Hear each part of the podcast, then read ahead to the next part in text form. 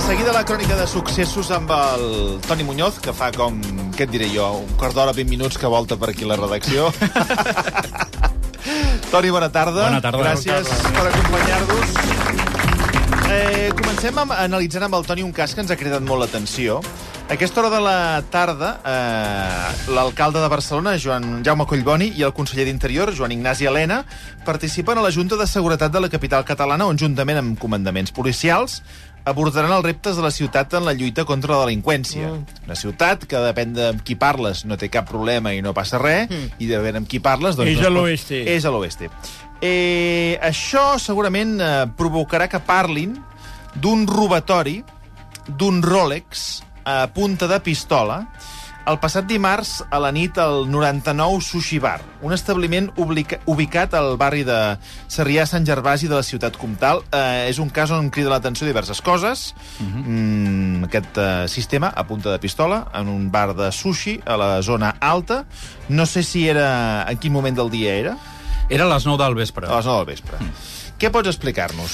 Doncs mira, això passa dimarts passat, sobre les 9 del vespre, al restaurant 99 Sushi Bar, que diguéssim és un restaurant de la zona alta, que està molt a prop d'aquí de rac aquí al costat de Pau Casals, d'aquests jardins que hi ha aquí al Jesús, costat, sí. al costat del Turó Park. Doncs és un local molt freqüentat doncs, per la gent, podríem dir, no diré di- adinerada, però la gent que es vol gastar uns calarons per anar a dinar o per anar a sopar, no? Panxucci. Fan, Fan sushi, sushi, fan sí. sushi, sí, Fan sí. sushi. Sushi no, eh? Sushi, sushi. Bueno, Sushi. diu, Sushi. això, Sushi de qualitat. Sushi en, en, Japonès. Un, sí, en un Eh, barri, diguem-ne, sí, benestant de, Sí, Exacte. de la ja ciutat sé, de ja ho sé, Barcelona. que us penseu que no sé res, sé coses... Eh? No, de fet, és un restaurant que té diverses, eh, diversos locals al llarg de, de Catalunya i també a Espanya, i és, i és un dels que s'instal·larà al nou Santiago Bernabéu, per Ah. exemple. No? Vull dir que és Ah. És una mena de cadena, però molt ben situada i molt ben instal·lada en Quina llocs, alegria que em de dones. renom. No? Sí, noi. Aleshores, eh, sobre les 9 del, de la nit, hi romp en aquest local un jove vestit amb una, amb una jaqueta, cara descoberta, i el metre eh, l'interromp i li diu on va vostè, no? I ell directament es dirigeix cap a una taula on hi havia una parella que estava sopant, concretament eh, era el Pepe Oriola, que és un pilot d'automobilisme català, que corre doncs, en, Sí. en turismes, i ràpidament treu una pistola Jesús. l'encanona, li posa la pistola al cap i li demana que li doni el rellotge. Mare de Déu. Sí, però, ah, o sigui, eh, entra al local Entra. amb, amb, amb la pistola, suposo, a- Amagada a la jaqueta. passa el filtre, Bueno, és que es passa, pot dir així. se paragona. Bueno, sí, vull dir... Home, a veure, no hi ha seguretat en un restaurant, clar. No, no hi ha... Vull dir, però, I entra eh, gent- No, filtre em refereixo a que passa el metre, el de l'entrada, el que et pregunta Sí, per què no on anava va amb la vostè. pistola fora? Clar, era- no, no. I, i si hagués anat amb la pistola fora, encara hagués entrat amb més facilitat. Sí, li hauria, potser s'haurien amagat segura- tots segurament. sota la taula, clar. Aleshores, eh, bé, li col·loca la pistola al cap, li demana insistentment que li doni aquest eh, rellotge. Eh, clar, això genera molt d'enrenou en aquell restaurant, que a aquella hora doncs, està ple, és un dimarts a la nit i està ple a vessar. Tots aquells eh, clients ràpidament es tiren a terra, pensant en veure doncs, que aquell, aquell home doncs, ha tret aquella pistola, i el Pepe Oriola el que fa és donar-li el rellotge i deixar que marxi, no? Aleshores, eh, en aquest cas, jo n'he sentit pocs com aquest, o de fet crec que és el primer que jo escolto que passa d'aquesta manera. És un cas, jo m'atreveixo a dir, sense precedents. Perquè és veritat que a Barcelona estem acostumats a robatoris de rellotges de luxe Sí. en els últims anys, mm. de, des que, diguéssim, les carteres amb diners en efectiu han desaparegut, els lladres van directament a buscar mòbils i sobretot rellotges de luxe que porten o freqüenten normalment els turistes més adinerats. No? Bueno, ho hem vist pel carrer en alguns vídeos. Eh, hi ha... Oh, i T'ho dic jo que m'he trobat al passeig de Gràcia. Veus? Uns crits... Bueno, re redueixen la persona que Exacte. porta el rellotge Sí, sí. i el, Sí, sí. el distreuen o l'amenacen i, i adéu-siau I rellotge. normalment el que, el que fan és esperen a les seves víctimes als voltants, diguéssim, d'hotels de, eh, hotels de luxe no? on se suposa que hi haurà aquesta gent que té aquests diners i que sortiran a sopar amb un rellotge valorat en milers d'euros. No? Però clar, aquí estem parlant d'un cas en què el lladre entra a un establiment i encanona el client directament a dins, en un lloc Totalment és dir, públic. públic i, I- on hi ha moltíssima gent. Sí. No? Com si sabés que aquella persona tenia rellotge. Aquest- I aquest, aquest és el tema. I aquest és l'altre Aquest és tema, el tema. no? És a dir, sembla que aquesta persona ja sabia on anava, no? Ja havia detectat, o una de dos, abans, quan va entrar al establiment, el rellotge del Pepe Oriola, o bé mm, d'alguna manera sabia que hi havia una persona que tenia un Rolex valorat en 14.000 euros, Jesús. que és el que costava el Rolex que li van robar amb aquest, amb aquest noi. I, I sense cap mena de problema en què aquesta persona sigui totalment identificable. Clar, Anava cara va- descoberta. Anava cara descoberta. I, I de fet ara... càmeres o, o Però hi ha hagut sigui. altres robatoris a punta de pistola, no?, a, a Barcelona. Jo crec que sí, és a dir, ara... em- Sí, És que ara sí, estava sí, sí que llegint, hagut. Sí que estava hagut. llegint, sí, que hi va haver un altre el 28 de gener al carrer Tosset, a la part alta de Barcelona, Mm. també a punta de pistola. Cert.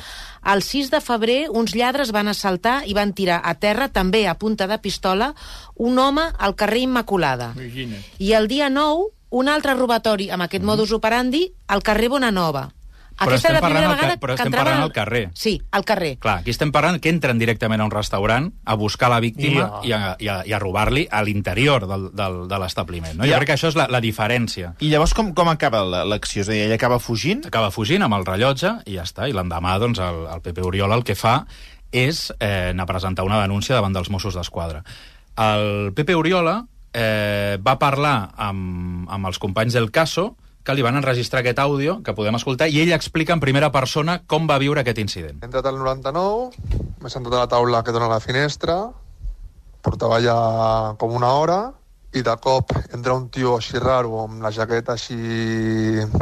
així com, diguéssim, una tipus com Moncler així grossa, i el tio va com a la taula darrere meu. Jo me'l quedo mirant en plan, i el metre també, en plan, ¿dónde va?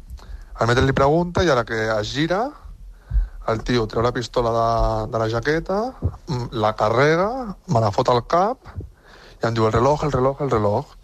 I jo dic, toma, toma, cógelo. I el tio, com, com no podia, perquè tenia una mà a la pistola i amb l'altra mà no me'l podia treure el, el rellotge, em diu, el reloj, el reloj. La gent ha començat a fotre sota les, les eh, cadires i les taules, i al final ja te doy, ja te doy, jo te doy, jo tranquilo. I me l'he tret, me l'he agafat i se l'he donat. I ha marxat. Però bueno, imagina't. Déu-n'hi-do. Déu-n'hi-do, eh? Déu-n'hi-do. I no van trucar de seguida la policia?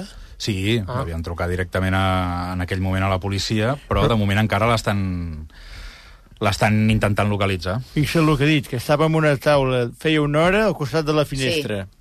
Llavors, podria ser que el gàngster aquest, el, Sí, sí, des de fora sí, carrer, veiés sí, sí, que duia el sí, rellotge, sí. També és veritat, ho preparés és tot i veritat, també és veritat, També. també és I com que veritat. això és a l'oeste... És a l'oeste, és Però, a l'oeste. a veure, aquest cas, com dèiem, ens ha cridat l'atenció. El Toni deia que no és un modus operandi habitual. Aquí hi ha una altra opinió damunt de la taula. Veurem mm, què precisament n'opina el, el Toni d'aquesta qüestió. Salvador Sostres, columnista del diari ABC, ha publicat un article titulat Atracos en la zona alta, on reflexiona sobre aquest robatori i en què insinua que els cambrers del 99 Sushi Bar podrien estar implicats en aquest succés. Eh, dos qüestions. Eh, eh, què diu exactament eh, Sostres i, i tu què n'has pogut saber? Bé, de moment el que diuen els Mossos d'Esquadra no confirmen aquesta informació, la desmenteixen de fet, i bé, però crec que és, és interessant el que diu el Salvador Sostres, almenys per reflexionar, no? Vull dir que no hem d'acusar ara els cambrers del 99 Sushi Bar d'estar consorciats amb ningú, però ell el que, el que relata, diguéssim, són dos antecedents en els últims anys en què dos clients que sortien d'aquest restaurant de luxe Del mateix. del mateix van, van ser atracats poques, eh, al moment de sortir, no? I està parlant, per exemple, de l'advocat Pau Molins, advocat de la infanta Cristina, de Shakira, tant. El d'un Pau, sí, sí. I hem- n'hem de parlat diverses Rossell. vegades amb el Pau Molins. de Sandra Rossell, no? doncs eh, el, aquest advocat va ser atracat al pàrquing de casa seva a l'abril del 2022, li van prendre també un Rolex, i, segons apunta els sostres, venia de dinar en aquest restaurant. No? I aleshores considera que potser algú devia donar el xivatasso i el van seguir fins a casa seva per prendre-li aquest rellotge. No? Això és una de les hipòtesis que planteja. I l'altra és Marcel Granollers, el tenista, que també en aquesta zona, a l'agost del 2022, li van robar un Patek Philippe de 50.000 euros justament en el carrer de on hi ha aquest restaurant, no? Aleshores, aquí tenim diverses hipòtesis. Però havia anat al restaurant? O... Havia anat al restaurant. Havia anat, eh, Aleshores, també? Clar, aquí el que planteja el Sostres, que és un polemista, doncs és, eh, ara ja no podem anar, els rics no podem anar ni a, ni a dinar segurs, ni a fer ostentació en el nostre barri del rellotge que tenim, perquè pot ser que ens, que ens atraquin i ens fotin una pistola al cap. No? Això és una mica la, el, el que ve a dir aquest article, Bueno, que- en base a aquests precedents. És veritat que, al final, també un pot arribar a la conclusió que es tracta de si hi ha un hotel de luxe i hi ha gent que, Exacte. que estàs a les immediacions i t'estan Exacte, esperant aquests exacte. lladres, doncs el mateix pa- pot passar amb un rellotge... Ai, perdona, amb un restaurant de luxe. que evidentment no tingui res a veure la gent que hi treballa ni tingui cap mena de, no hi hagi cap mena de teoria de conspiració senzillament per ser un lloc on hi vagin en pasta que són susceptibles el, de tenir aquest i el tipus que de deia el rellotges. senyor Recasens, Sí, que si sí. s'asseuen al costat de la finestra Efectivament. i, i Efectivament. des de fora Però es ara- veu Ah, però, el que perdoneu, però si ara no podràs anar pel carrer amb el rellotge que, que, que t'has pogut comprar a la vida, és que també... Jo s'ha- S'hauria de poder A anar, senyor Marcelí. És que, esclar, Jo és que de arriba, arriba un punt que sí, que el culpable ets tu perquè vas amb un rellotge car. Potser ens hauríem de fer mirar, això. Jo vaig amb un de falsificat. I, jo, no, jo sense. Jo crec que en algunes ambaixades o en algunes agències de viatge es deu estar recomanant als turistes que venen a Barcelona Home. que no portin aquest tipus de Home. rellotges. Eh, no tengo pruebas, pero tampoco tengo dudas. Mira, mira, 50 euros i no diries que, que no és roles. No. No, escolti, es veu bastant que és una Sí que es imitació, veu, això. aquest. que No, porta. no, Disculpi no. que li digui, Aquest però... no li robaran, eh? No. No, i a més està com, està, no com, està com entelat, com si li hagués entrat aigua dintre. Sí. Sí, és que m'han dit que es podia, però sí que és veritat. La veritat. Jo miro el sol i veig el sol depèn de la façana com toca i ja sé l'hora que és. Perfecte. Això sí que és un luxe. Ara, mira, Bueno, canviem d'història perquè el Toni ens vol parlar d'un dels casos sorprenents de d'aquests darrers temps. Eh, estem parlant de l'assassí de Morata de Tajunya, parlant de Dilawar Hussein, que fa unes setmanes va ser notícia per haver confessat si l'assassí de tres germans a Morata de Tajunya, a Madrid. Doncs bé, Hussein torna a ser notícia aquest cop perquè dijous va matar el seu company de cel·la. Jesús. El mòdul 12 de la presó d'Estremera, eh, el destinat a presos conflictius. Eh, ja fa unes setmanes el Toni ens va explicar aquest cas, mm. que ens va deixar amb la boca oberta, que ara té una derivada, que és la que estem comentant justament ara. Sí, sí, i és que aquest home, eh, podríem dir que en només un mes ha acabat amb la vida de quatre persones. Imagina't. Primer dels tres germans que vivien junts a Morata de Tajunya i després del company que li vam col·locar en aquesta cel·la. I eh, posem una mica en antecedents quin és el crim de Morata de Tajunya, Sí. després expliquem què és el que va passar en, en aquesta cel·la. El crim de Morata de Tajunya eh, es descobreix el 18 de gener del 2000, bueno, d'aquest any, el passat, 18 de gener, en què apareixen, la Guàrdia Civil entra després de que els veïns eh, posessin en alerta a la policia dient, escolta, fa molt de temps que no veiem els tres germans, eh, tiren la porta a terra i troben els cadàvers apilats i carbonitzats de l'Àngeles, l'Amèlia i el Pepe, que eren tres germans de més de 70 anys que vivien en aquest municipi que està situat a 40 minuts de, de Madrid. Santa. Això va generar doncs, un gran enrenou, que és el que els hi podia haver passat a aquesta, a aquests tres germans. Ja en aquell primer moment doncs, es va explicar que aquestes dues persones, eh, aquestes dues dones, havien estat víctimes d'una estafa amorosa, que s'havien enamorat d'unes persones doncs, que les estaven estafant, que es feien passar per militars nord-americans destinats a l'Afganistan i que els hi estaven fotent tots els calés, dient-los, no, eh, fent-los promeses, i de fet fins i tot en un dels casos un va dir doncs, que el seu company havia mort i que li havia deixat l'herència a una de les seves promeses i que per eh, tenir accés a aquesta herència doncs, havia de pagar, diguéssim, una mena de taxes per la, els tràmits burocràtics. I tot això doncs, va generar un, en un autèntic eh, enrenou que feia set anys que durava. Recordem doncs, que aquestes dones havien estat estafat, estafades en els últims set anys i anaven pagant religiosament tota la seva pensió de jubilació que rebien, l'anaven ingressant al compte d'aquests estafadors. És allò que dèiem, com pot ser que durant tant Sí, de senyor. temps hagis estat enganyat, i vam explicar en el seu Pobres. moment també que eh, depèn molt de les circumstàncies que, que t'envolten i que també hem explicat en aquest programa que persones doncs, eh, menys vulnerables que el cas que ens ocupa han caigut també amb estafes d'aquestes amoroses. Sí, sí, fins i tot, eh, en aquest cas, aquesta família tenien una propietat a Madrid, un pis, que van vendre i tots Just. els diners íntegrament els van ingressar als comptes dels seus estafadors, que eren uns 300.000 euros. Per tant, Mare aneu Imagina't. calculant... Clar, però ja, ja has de creure, però... De, de, Cegament. Cegament, per, per, per vendre't un pis i, i, i posar allà la calarada que et doni. L'amor Sí. és sec. No, i això al final és una història molt trista de, I tant, de soledat, no? de gent que se sent sola i que necessita sentir-se estimada i al final s'agafa el primer que, que passa. No? I aleshores, el que va passar aquí és que quatre dies després de la troballa d'aquests eh, dels cadàvers dels tres germans, va haver-hi una persona, una persona doncs, que havia tingut contacte amb aquesta família, que es diu Dilawar Hussain, que és una persona amb nacionalitat espanyola, però d'origen pakistanès, que porta 20 anys vivint a, a prop de Morata de Tajunya, va confessar el crim. I sembla ser doncs, que era perquè ell havia de, eh, li havien explicat aquesta història a les germanes, dient doncs, que, bueno, que necessitaven diners per cobrar aquesta herència. Ell s'ho va creure i els va deixar 60.000 euros. Val? Aleshores, en un primer moment, tots vam pensar que com que hi havia aquest O deute... sigui, enredat dels enredats. Exacte. Ell es va creure que, efectivament, aquestes dues persones tenien una relació amb uns eh, uh -huh. militars nord-americans destinats a l'Afganistan, que un d'ells havia mort i que li havia deixat aquesta herència, però que per cobrar-la necessitava diners, i ell doncs, es va mostrar voluntari per deixar-los els diners a canvi després que li tornessin amb uns interessos. I tots vam pensar doncs, que el rerefons d'aquest crim era això, no? aquest deute de 60.000 euros. Sí. Però ara hem sabut Ai. noves informacions, tenim un detall més, perquè tots vam pensar, bueno, però per què reacciones amb aquesta violència, no? Bueno, perquè t'han estafat, no? Sí, però t'han Home, estafat... però Marc, I es va no, insinuar ja, ja, que- però hi vés a saber. No, es va insinuar que el noi no hi era tot, es veu també.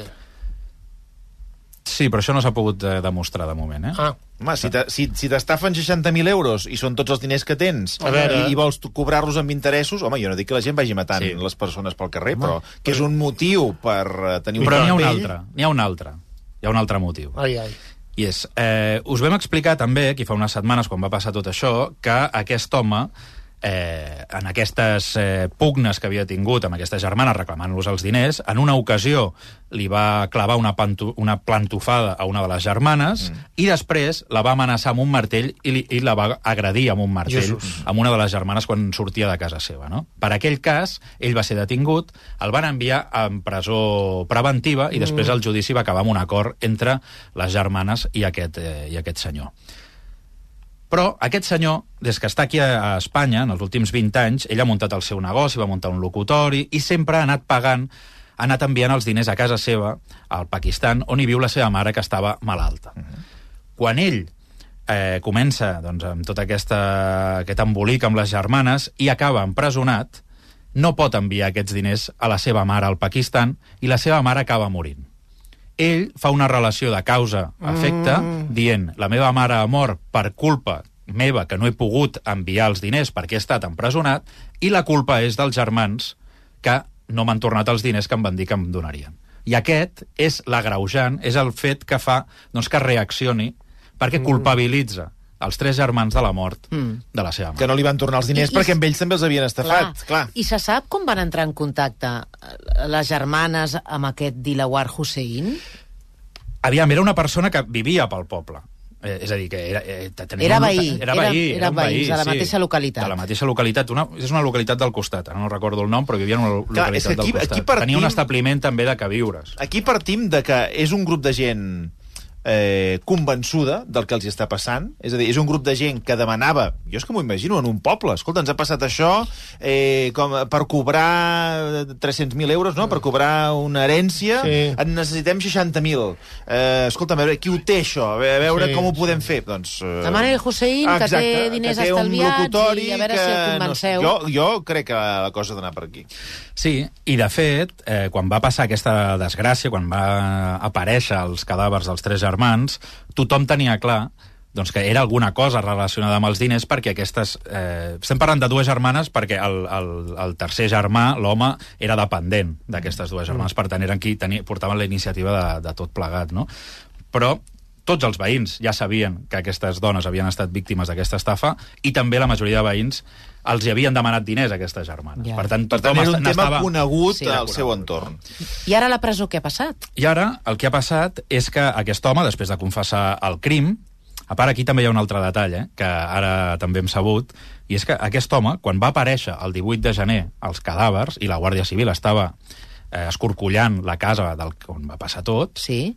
aquest home es va acostar allà a veure com, la guàrdia, com si fos un veí més, un curiós, a, mentre escorcollaven aquest... Eh, Bueno, Això Aquest- diuen que és bastant casa. habitual, no? Eh, que de Sí, s'han vegades... vist- s'han A les vist sèries ho, casos. ho posen. Sí, crec que amb el Toni ho havíem comentat alguna vegada, que L'assassí sempre sí, apareix allà. apareix al, al, al cementiri, Al funeral. eh, al funeral, i que fins i tot ho havíem explicat en el programa, de vegades és una pràctica Mhm. que els serveis de seguretat, els cossos de seguretat, fan servir també per veure una miqueta qui ha anat allà i qui és parent de qui i si hi ha alguna cara sospitosa en un enterrament. Sí, sí, totalment. És una pràctica molt habitual. Primer, que els cossos de, de policia ja estan doncs, alerta de veure qui s'acosta a les immediacions i en aquest cas doncs, van detectar un cop a toro passat, eh? però van detectar que aquell home havia, estava allà entre els veïns, entre els curiosos que van vigilar la casa. Doncs bé, ara, el passat eh, dijous, aquest home, el Dilawar Hussein, va acabar amb la vida del seu company de cel·la.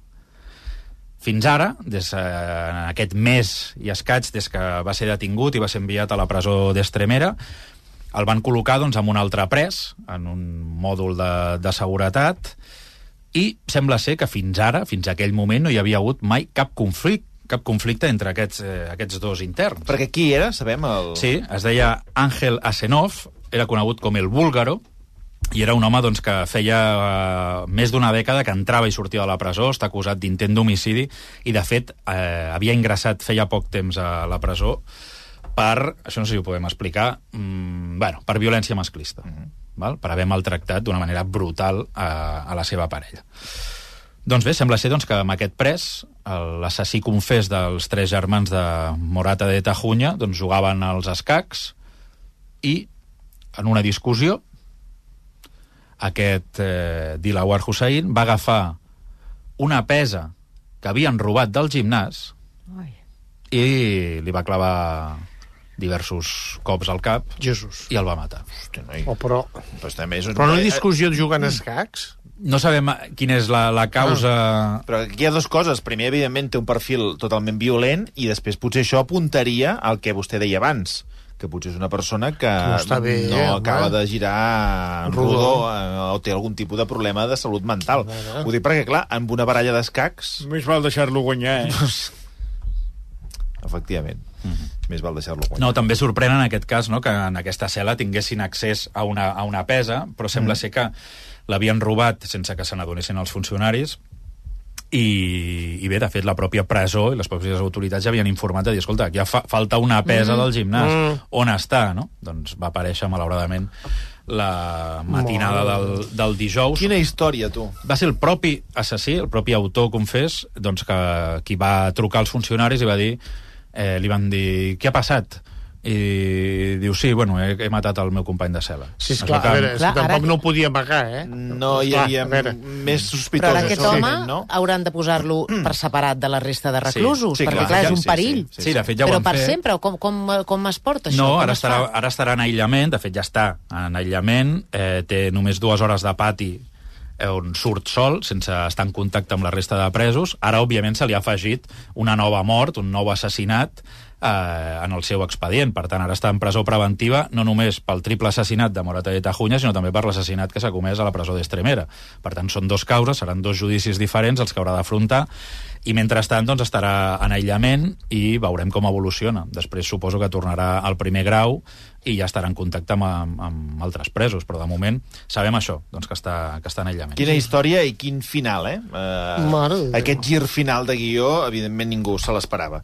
Com tampoc ens esperàvem que passessin tantes coses a l'aeroport de Barcelona, n'hi ha un parell que ara comentarem. Què ha passat? Eh, Sí, aquest sí. cap de setmana ha estat notícia per dos motius. És l'oeste, eh? Això és l'oeste. Bueno, és que al final tindran eh? raó, eh? El primer és que dissabte a la tarda la presència d'un dron no notificat va obligar a suspendre l'enlairament d'avions durant 40 minuts. Bueno, Sí, sí, ara, sí, És a dir, bueno. no, no és que passi de cop i volta un avió d'aquests de joguina, sinó Oh, però- el trànsit paralitzat durant Sí, 40 home. minuts per un dron, que jo no entenc com pot ser tan fàcil d'entrar en l'espai aeri. Bueno, porque las playas están ahí al costado del aeropuerto y como ya es temporada así que fa calor, pues había ahí bastante llena la playa y mira, y vaya Però, está no però, a veure, un dron. moment, a veure, o sigui, estem en un punt que els drons estan molt, molt, molt avançats, són Sí, molt sí, sofisticats. sí. No hi ha una possibilitat de posar uns inhibidors Sí, sí, o ja, unes freqüències... Ja hi són, eh, ja hi són, en teoria. Eh? I, de fet, hi ha un sistema que detecta la presència, quan hi ha un dron que envaeix l'espai Ah. aeri, ràpidament s'activen les alarmes Claro. i els Mossos tenen capacitat per fer-lo caure. Un rayo làser i avall. Bueno, rayo No láser seria tal, això, però però inhibeixen vaja. la freqüència i aleshores deixa de, de tenir contacte i cau al terra, no? I Clar, això, és a dir, tallar la connexió entre el, el Ah, dron i el, i el, i i el això és el que no va passar aquest dissabte. Menos mal, porque con lo que me va a costar... Va, Perdoni. va, va. Escolti. Vinga. I, de fet, són diverses tripulacions les que van informar de la presència d'un dron no coordinat, és a dir, que no havia estat notificada la seva presència, a les immediacions de l'aeroport del Prat. Hi ha diversos avions doncs, que a l'hora d'aterrar diuen, escolta, que per aquí hi ha un, un dron, van avisar les autoritats, i en el moment en què els Mossos doncs, van reaccionar ja no van trobar ni el dron ni tampoc el, el propietari d'aquest d'aquest dron. Però van trigar molt a reaccionar? Perquè Sí, si van perquè- estar 40 minuts sense Home. cap Sí, sí. operació a l'aeroport... Sí, sí, això és el 40 que... minuts. A mi em sembla increïble que És un estrany, dron que eh? passa per allà eh, que no es pugui inutilitzar i que eh, aturi el trànsit durant Home. tanta, tanta estona. Sí, sí, 40, 40 minuts, eh, sobretot el que van ser els enlairaments, i després també, segons expliquen els eh, controladors, van haver de mm, reconfigurar les pistes on, clar, on havien d'aterrar i on s'havien d'enlairar. Allò és un, la tre és un presència de- eh, se't mou una peça i tens Ja, un problema. Ja es pot saber qui era el propietari d'aquest No, dron no, o no? clar. no, bueno, es pot no hi ha saber. manera de L'estan saber-ho? buscant, l'estan buscant. Que no hi ha càmeres vigilant per tot arreu, perquè ara com que hi ha càmeres per tot arreu... Sí, però clar, és que l'espai aeri de l'aeroport del Prat és molt gran. Vull dir, és que estem parlant que és des del Maresme fins, a, fins al final. Però no del hi ha, però em refereixo a tot el que és la, la, la part de on hi ha les pistes. Que El no perímetro, el perímetro. Sí. No ho sé. Bueno, eh, Bueno, càmera, cà- càmeres aèries no, cre... no, no ho sé. No aèries, no, no, però que n'hi hagi... Home, per, com es diu això, enfocant als afores, saps? Que Sí, al perímetre. Si hi ha Sí, unes tanques, perímetre, al perímetre. si hi ha unes Sí, sí, tanques, sí. doncs als afores que hi hagi les càmeres mirant a No, veure no, no suposo, està. a veure, segur que sí, però que no l'han trobat. Bueno, allà és una zona on hi ha molts spotters, no? Hi ha gent que es Sí. dedica Sí, a fer aquesta fotografies gent- i tot però això. gent no fa cap mal. No fa cap mal. El problema és tenir eh, un dron que pugui accedir d'aquesta manera tan simple a un espai eh, destinat a, a l'enlairament de, dels avions a l'aeroport del Prat i també l'arribada. I de- sense deixar l'aeroport del Prat, una altra qüestió sorprenent, aquest cap de setmana, una baralla entre sense sostres que va acabar amb un ferit greu. Però sense sostres que vivien a la- l'aeroport. Sí, a la Terminal 2, eh, ahir a la nit doncs, es va registrar una, una baralla entre aquests dos sense sostres que normalment doncs, passen la nit en aquesta Terminal 2 de l'aeroport del Prat. Eh, es van barallar i un d'ells li va etzibar un cop al cap amb una ampolla de vidre que va ferir de gravetat a, a aquesta altra persona. Va ser traslladat a un centre mèdic en estat greu, la seva vida no, no corre perill, i de moment doncs, no s'ha pogut localitzar eh, aquest eh, l'autor dels, dels fets. L'estan buscant, els Mossos d'Esquadra. Molt bé. Hi ha una altra qüestió que fa temps que ens preocupa i que, a més a més, sempre que en parlem al programa rebem un munt de notificacions i un munt d'experiències, que és, i s'ha de dir així, la violència que hi ha en l'esport amateur. Mm. I concretament en el futbol. Violència a les grades, perquè hi ha pares, anava a dir pares i mares, normalment hi ha pares, que s'accedeixen en el seu entusiasme, per Com dir-ho a així. salvatges. Sí, sí. Sí, sí, de vegades així, i de vegades també violència entre els propis practicants, que acaba molt malament. Però, però canalla jovenet. Són canalla joveneta. Eh, parlem d'un parell de casos de violència en l'esport amateur. Dissabte a Mora d'Ebre, perdó, dissabte a Mora la Nova, durant un partit de futbol sala entre l'equip local i el futsal Tortosa, hi va haver una baralla entre jugadors i aficionats. Què dius? O sigui, va acabar la cosa mm, bastant malament. Jesús. Això és la primera divisió catalana. Són dos denúncies als Mossos per agressions a, a la grada i el partit va haver de ser suspès per cops i cadires voladores I ara? que van deixar diversos ferits sense gravetat. Oh, però... I fa tres setmanes, en un partit de juvenils, entre la Tarlenca del Prat de Llobregat i el Sagrat Cor de Sarrià, es va produir una brutal agressió contra el porter rival de 16 anys I ara? que podia haver acabat amb tragèdia. Sí, això va passar el 27 de gener, un dissabte, partit entre la penya barcelonista Terlenca, que és la del Prat, i el Sagrat Cor. S'acaba el partit i hi ha una desena d'aficionats que estaven allà al camp veient aquest partit que salten eh, al camp i van directament a agredir el porter rival. Sí, va, va, van, a, van a, a, pel porter, a, Van a pel a- porter. A, lin- a linxar el porter. Sí. Segons han, eh, han explicat i van, va publicar doncs, La Vanguardia el Jurec Fit aquest cap de setmana, sembla ser doncs, que en aquest partit el Sagrat Cor va marcar un gol pràcticament a l'últim minut, a les acaballes del partit, i el porter, doncs, òbviament, com que estava content, doncs va tancar el puny així i va fer com un bien, no? O Bueno, com bravo. un- com o- un gest Com un de- gest de... de Normal. de- de- Bueno, és, que, és que, perdoneu, Normal. és que sí, Sí. bueno, A sí, veure. com, com si s'hagués dirigit a la grada. És igual, és, que és és, que és, és- que és igual. Eh, una cosa és més ètica i l'altra és menys ètica. Sí, no et però pots alegrar perquè, perquè Sí, guanya però dir que de vegades no era poc ètic celebrar-ho. Sí, però em refereixo a que Marc. encara que s'hagués eh, dirigit al públic i els hi hagués dit de tot, res justifica una agressió. Evidentment. Res No, justifica una agressió. Però tampoc no va passar això, eh? No va passar això, No va passar això, sinó simplement ell va celebrar... Va fer així. Exacte. Va aixecar el puny i ja està, està en senyal, doncs, de, de felicitat victòria, i d'alegria de i de victòria, victòria. sí, I sembla ser que en aquell moment, segons expliquen doncs, els testimonis, una persona de la grada va cridar-li com segueixis celebrant, et trencarem les cames. I ara... Des de la grada, eh? Des de la graderia. Sí, sí. Això seria els seguidors, per dir-ho així, Del Terlenca. del Terlenca. Del Prat de del Prat Llobregat. de Llobregat. I, aleshores, I és el que passa. És a dir, quan acaba el partit, el, el porter està saludant-se i, eh, al final del partit amb els jugadors rivals i, i celebrant-ho amb, els seus, eh, amb els del seu equip, quan, de cop i volta, rep un impacte, una puntada de peu eh, a les cames, I ara... i se li tiren, s'abraonen a sobre seu una sèrie de jugadors i el comencen, bueno, de jugadors, o de, de gent de la graderia, tot i que del, dels quals n'hi havia algun jugador del Terlenca, però no d'aquell partit, sinó d'unes categories eh, diferents, que estaven veient el partit, i es llancen a sobre seu i el comencen a agredir. Jugadors i aficionats. I la gent no Sí. els aparta? Quina gent? Sí, sí, són Sí, la mateixa gent Perdoni, la que la està gent que està a les que grades, l'acció- la, la resta de jugadors, o sigui, treure Sí, de l'acció sobre... va ser molt ràpida, va durar- va durar 30 segons. Sigui, va ser una agressió molt ràpida, però clar, de molta gent contra una única persona, un I jove ara. de 16 anys, I que va rebre, òbviament té diversos cops a, a tot el cos, i després li van trencar un dit de la mà. I ara... Això, I, doncs... i, i, I tots sabem com pot acabar una agressió d'aquest tipus. Una patada al cap, un cop a una zona vital, Sí, i sí. estaríem parlant d'una autèntica desgràcia, recordem, d'un porter de 16 anys, eh? en un partit amateur. Sí, sí. El propi club, eh, el Terlenca, doncs, va poder identificar un dels agressors. Sempre ells diuen doncs, que va ser només un, tot i que els eh, testimonis presencials, entre els quals la mare del porter va dir doncs, que eren una desena de persones, a aquest jugador doncs, que ha pogut ser identificat com un dels agressors li han imposat una sanció a la Federació Catalana de 8 partits, 8 partits de suspensió, però no podrà jugar Només? a futbol i el, i el club, el Terlenca, doncs, li han imposat una sanció de 3 partits que haurà de jugar a porta tancada. Em sembla poquíssim. En els Poquíssim. dos casos, 8 partits, poquíssim. eh, això és digne eh? D'una Home. expulsió mm, definitiva, si no amb càrrecs fins i tot penals. Mireu. En aquest cas, si es confirma, evidentment, S'ha interposat aquesta alguna agressió. denúncia? Sí, sí, sí, òbviament la família del, Home. del nano doncs, van anar als Mossos d'Esquadra i van presentar una denúncia. Jo no sé si és la fets. contaminació, no sé si és el que mengem, alguna cosa passa que la gent està massa violenta. El que passa des de fa molt de temps és que hi ha molta violència i molts nervis en les categories eh, Ja, inferiors eh? de, de futbol.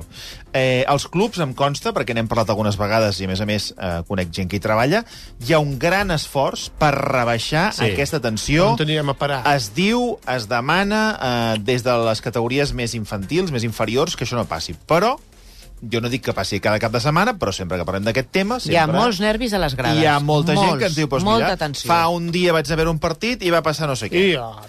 Sí, aquí el problema també és saber si ara com que estem molt més sensibilitzats, que ens escandalitzen aquestes coses, es denuncia més i, i aleshores doncs, afloren més aquest tipus de casos, o és que n'hi ha més? Clar, però és que en aquest cas estem parlant de- d'una agressió, és a dir, no és eh, una entrada en violència, eh? Mm. és a dir, és eh, Sí, sí, no, una no, agressió que totalment jo, jo, estic, jo, premeditada. jo estic eh? convençut que aquests casos han passat tota la vida, que inclús abans n'hi havia més, però ara, òbviament, ens, ens indignen, i per això doncs, està bé que surtin, i, que, i si encara passen, doncs eh, s'han de denunciar i els hem d'explicar. Però jo crec que, la, que és veritat el que tu dius, és a dir, hi ha molts clubs que estan molt conscienciats amb tot això, des de de la pròpia Federació Catalana, qualsevol federació doncs, està molt conscienciada amb això, i jo crec que s'ha fet s'està en el bon camí. És veritat doncs, que al final no desapareixen aquest tipus de, de coses, no? Ni els energúmens, que n'hi ha a tot No, arreu. efectivament. Toni Muñoz, moltíssimes gràcies. vosaltres. Passarem pàgina de seguida, i atenció a això no mercenari, perquè farem una entrevista que ens fe, ens ve molt de gust Sí. fer. Presentarem un, un llibre que es diu Vaques, històries d'una veterinària rural, Ah, està bé. i parlarem eh, de, en fi, de les moltes coses que li passen a una persona, a una dona, que ha decidit dedicar-se a aquest Ah, molt món. bé. Cada dia una de diferent. Manescal.